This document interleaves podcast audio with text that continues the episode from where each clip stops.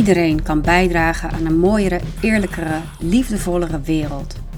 Ik ben een witte cisvrouw zonder handicap van middelbare leeftijd.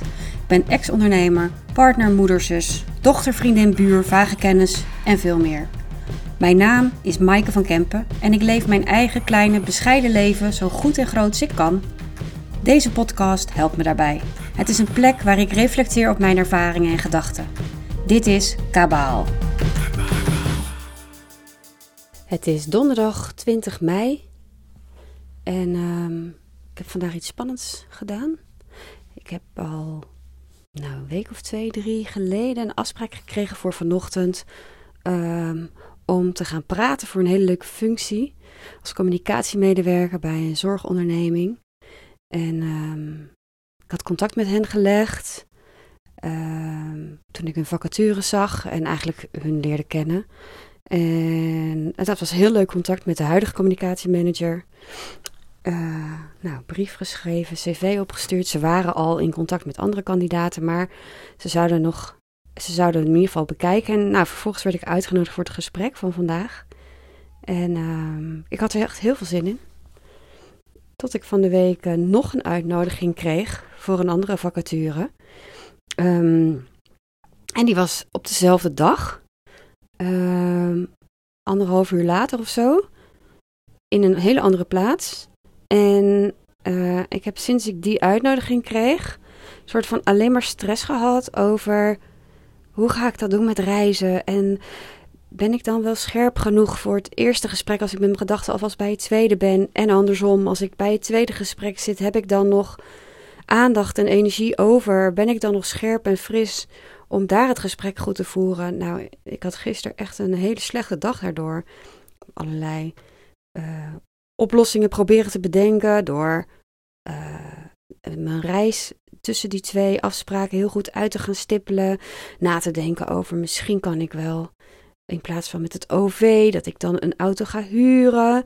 En dan van de ene plaats naar de andere rij voor het gesprek. En dan vervolgens die huurauto weer terug ga brengen.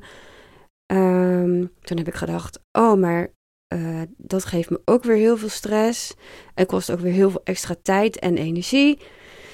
Wat als ik een auto kan lenen? Dus ik heb uh, bij drie mensen om me heen gepolst. En dat lukte ook allemaal niet. Nou, ik moest er zelfs van huilen gisteren. Het was echt. Uh, en ik had twee dagen daarvoor echt heel druk gehad. Dus het was ook. er, er was ook gewoon nog een soort van vermoeidheid in me die eruit moest en, en spanning. Um, maar alles bij elkaar dacht ik, get verdemme, ik wil, ik wil dit helemaal niet. En ik heb uh, met een vriendin zitten bellen, dat was echt heel fijn. En uh, ook nog met andere mensen contact gehad gedurende de dag over welke oplossingen er allemaal zouden zijn.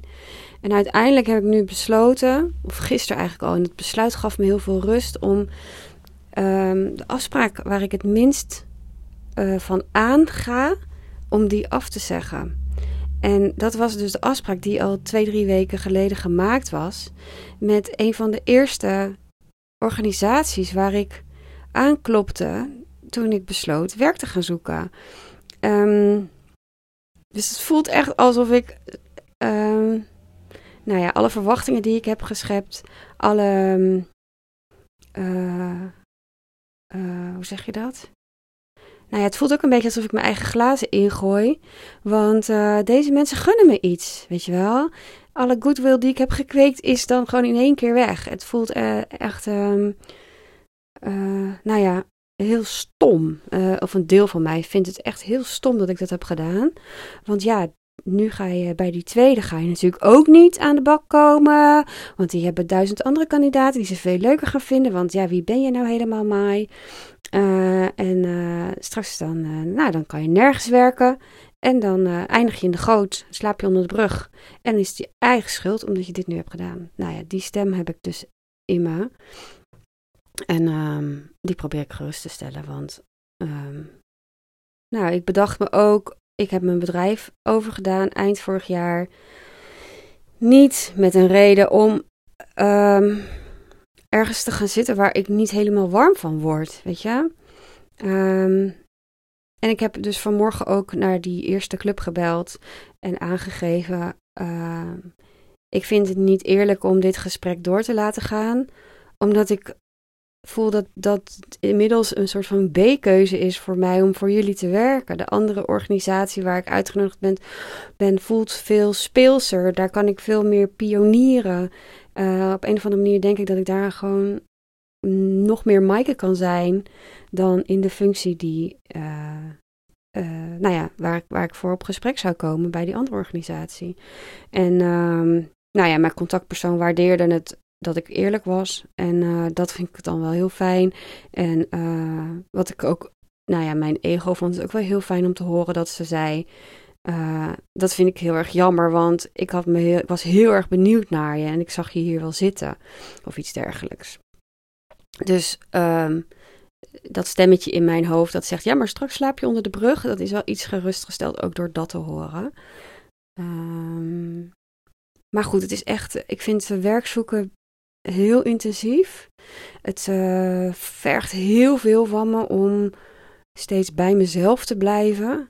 Op een of andere manier is dat solliciteren toch zo die machtsverhouding werkgever-werknemer. Je bent in de afhankelijke positie, weet je wel. En ik weet dat dat heel erg afhangt van hoe je het ook zelf vormgeeft.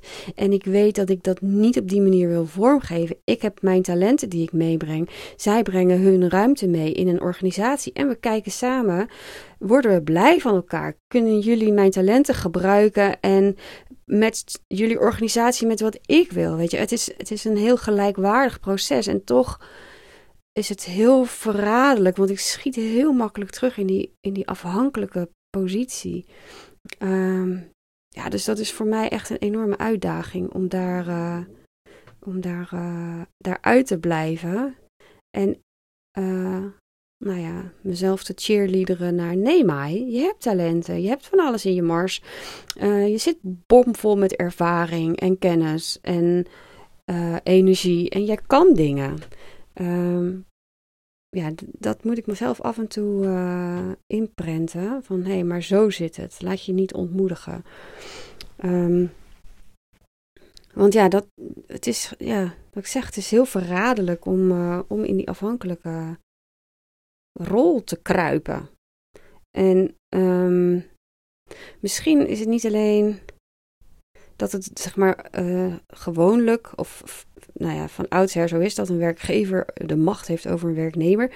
Maar ook wel dat ik het heel uh, makkelijk vind, zit ik nu te bedenken, om in die positie mezelf te manoeuvreren.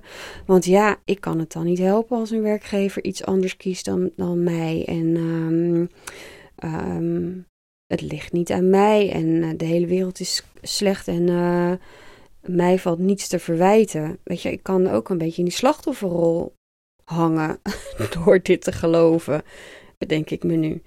En uh, ja, dat is een beetje een soort schijnveiligheid die ik mezelf dan uh, geef. Ik wil dat niet. Ik wil echt niet uh, op die manier mezelf laten bungelen. Ah, nee, dat is niet de bedoeling. Nou, verder, um, ik ben enorm verrast door hoe de video waar ik um, eigenlijk een beetje ontevreden over was. Die ik nog opnieuw ging opnemen. En dan de verbeterde versie online zetten. Uh, hoe die uh, op LinkedIn enorm is opgepakt. Inmiddels hebben er iets van 6200 mensen naar gekeken. Um, ja, dat is echt bizar. Ik heb nog nooit zoveel views gehad op iets wat ik heb gemaakt. En um, um, het gaat niet over de views. Het gaat over uh, dat mensen mij dan nu uh, op die video hebben gezien en aan me kunnen denken als ze iets voorbij zien komen of als ze ergens in hun organisatie ruimte hebben. Um, dat is, dat is het doel van de video. Maar mijn ego vindt het wel echt heel tof dat er zoveel views zijn. en uh, nou ja, naar aanleiding daarvan heb ik ook heel veel berichtjes gekregen, veel connectieverzoeken op LinkedIn. Um, en ik vind het dus echt heel lastig om voor mezelf, en dat is dus ook het dilemma van die twee gesprekken van vandaag, om voor mezelf uit te maken waar, um, waar word ik warm van? Waar voel ik me op mijn plek? Want um, mijn hoofd gaat de hele tijd aan de haal met dit is een, dit is een kans, Mai. Hier kun je gewoon een degelijke baan krijgen. Netjes je werk afronden. Voldoende verdienen. Uh, gewaardeerd worden. Doe dit nou gewoon. Um, terwijl ik er eigenlijk niet per se de energie op voel. Maar mijn hoofd zegt dan, dat komt vanzelf. En het is maar werk. Weet je wel. En... Uh, nou ja, de oefening van gisteren of de oefening. het was niet eens de oefening, het was echt zo error, error, error in mijn hoofd. Maar het is wel echt voor mij heel belangrijk dat ik uh, ook een heel goed gevoel erbij heb. Um, en dat ook de, de, de feitelijkheden kloppen. Ik bedoel, het moet ook een werkgever zijn uh, die uh, voldoende kan betalen, die, waar ik genoeg uren kan draaien, waar ik me op mijn gemak voel, wat gewoon een baan is waar ik even mee vooruit kan. Um, maar uh, ik heb me al eens eerder laten verleiden om uh, een soort van eervol baantje, baantje, eervolle baan aan te nemen. Van ja, dat staat goed op je cv en uh, is belangrijk werk. Um, maar uiteindelijk kwam ik daarvan overspannen thuis te zitten. En mijn gezondheid is echt gewoon veel belangrijker dan een baan die leuk op mijn cv staat. En ik wil dat gewoon echt niet meer. Dus dat ga ik gewoon niet doen. Uh, klaar ermee. Doen we niet. Um, dus ja, dat is eigenlijk wat er nu uh, vandaag gebeurde. En dat is ook de uitdaging waar ik voor sta. Om bij de sollicitaties die ik uit heb staan, maar ook sollicitaties die ik nog ga doen, want ik heb nog een paar hele leuke vacatures op mijn lijstje, ook echt goed te voelen, um, klopt dit voor mij? En uh, misschien kan ik dat niet alleen voelen vanaf tekst zwart op wit, maar moet ik er ook een paar gesprekken voor hebben.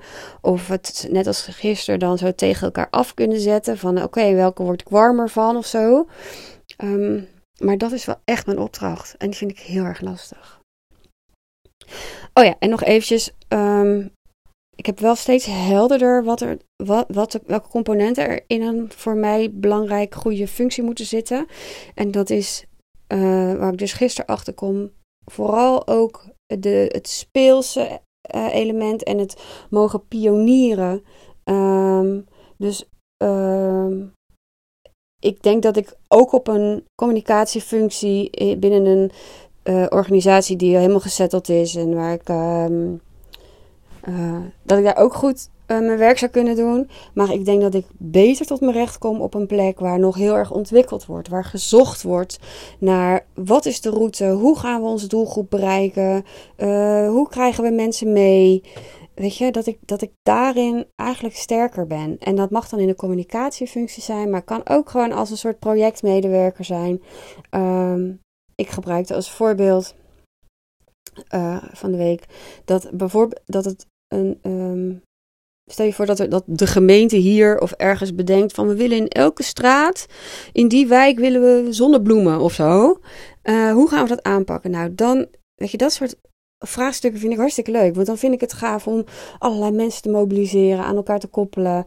Um, um, communicatie daaromheen te regelen met persberichten, social media. Uh, weet je, dat soort projecten. En dit, gaat, dit voorbeeld gaat over zonnebloemen. Dat, nou ja, je snapt dat dat gewoon een rukzichtloos voorbeeld is. Maar um, dat soort projecten waar nog niks staat en van alles mogelijk is.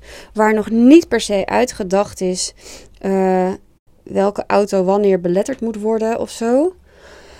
Um, ja, dat vind ik heel erg leuk. En mensen aan elkaar verbinden, de juiste organisaties, de juiste partners betrekken. Uh, en dan toewerken naar een concreet resultaat. Uh, op korte of lange termijn. Maar ja, echt uh, schouders onder iets nieuws. Dat vind ik echt super tof. Um, en ja, Dordrecht, waar ik woon, is hartstikke fijn als, dat, als ik een leuke functie in Dordrecht zou kunnen krijgen. Maar ik vind het ook niet erg om een uurtje met de trein te reizen. Bijvoorbeeld zeker als ik niet zes keer over hoef te stappen. Want dat, daar ga ik wel echt op af. Of uit. Of hoe, zeg je dat? Um, maar uh, ja, dat, dat, uh, dat, dat uh, onderzoekende, coördinerende, organiserende in een functie vind ik wel echt heel fijn. Uh, Dus nou, mocht je in jouw organisatie zo iemand zoeken, of heb je nog een project op de plank liggen waarvan je denkt, oh, maar dit kan matchen, stuur me even een mailtje. Ehm, of een DM, of weet ik het wat. Je weet me wel te vinden. Ehm, dus voor nu, ik ga uh, mijn uh, voorbereiding doen voor het gesprek van vanmiddag, waar ik heel veel zin in heb. En uh, ik spreek je later. Doei.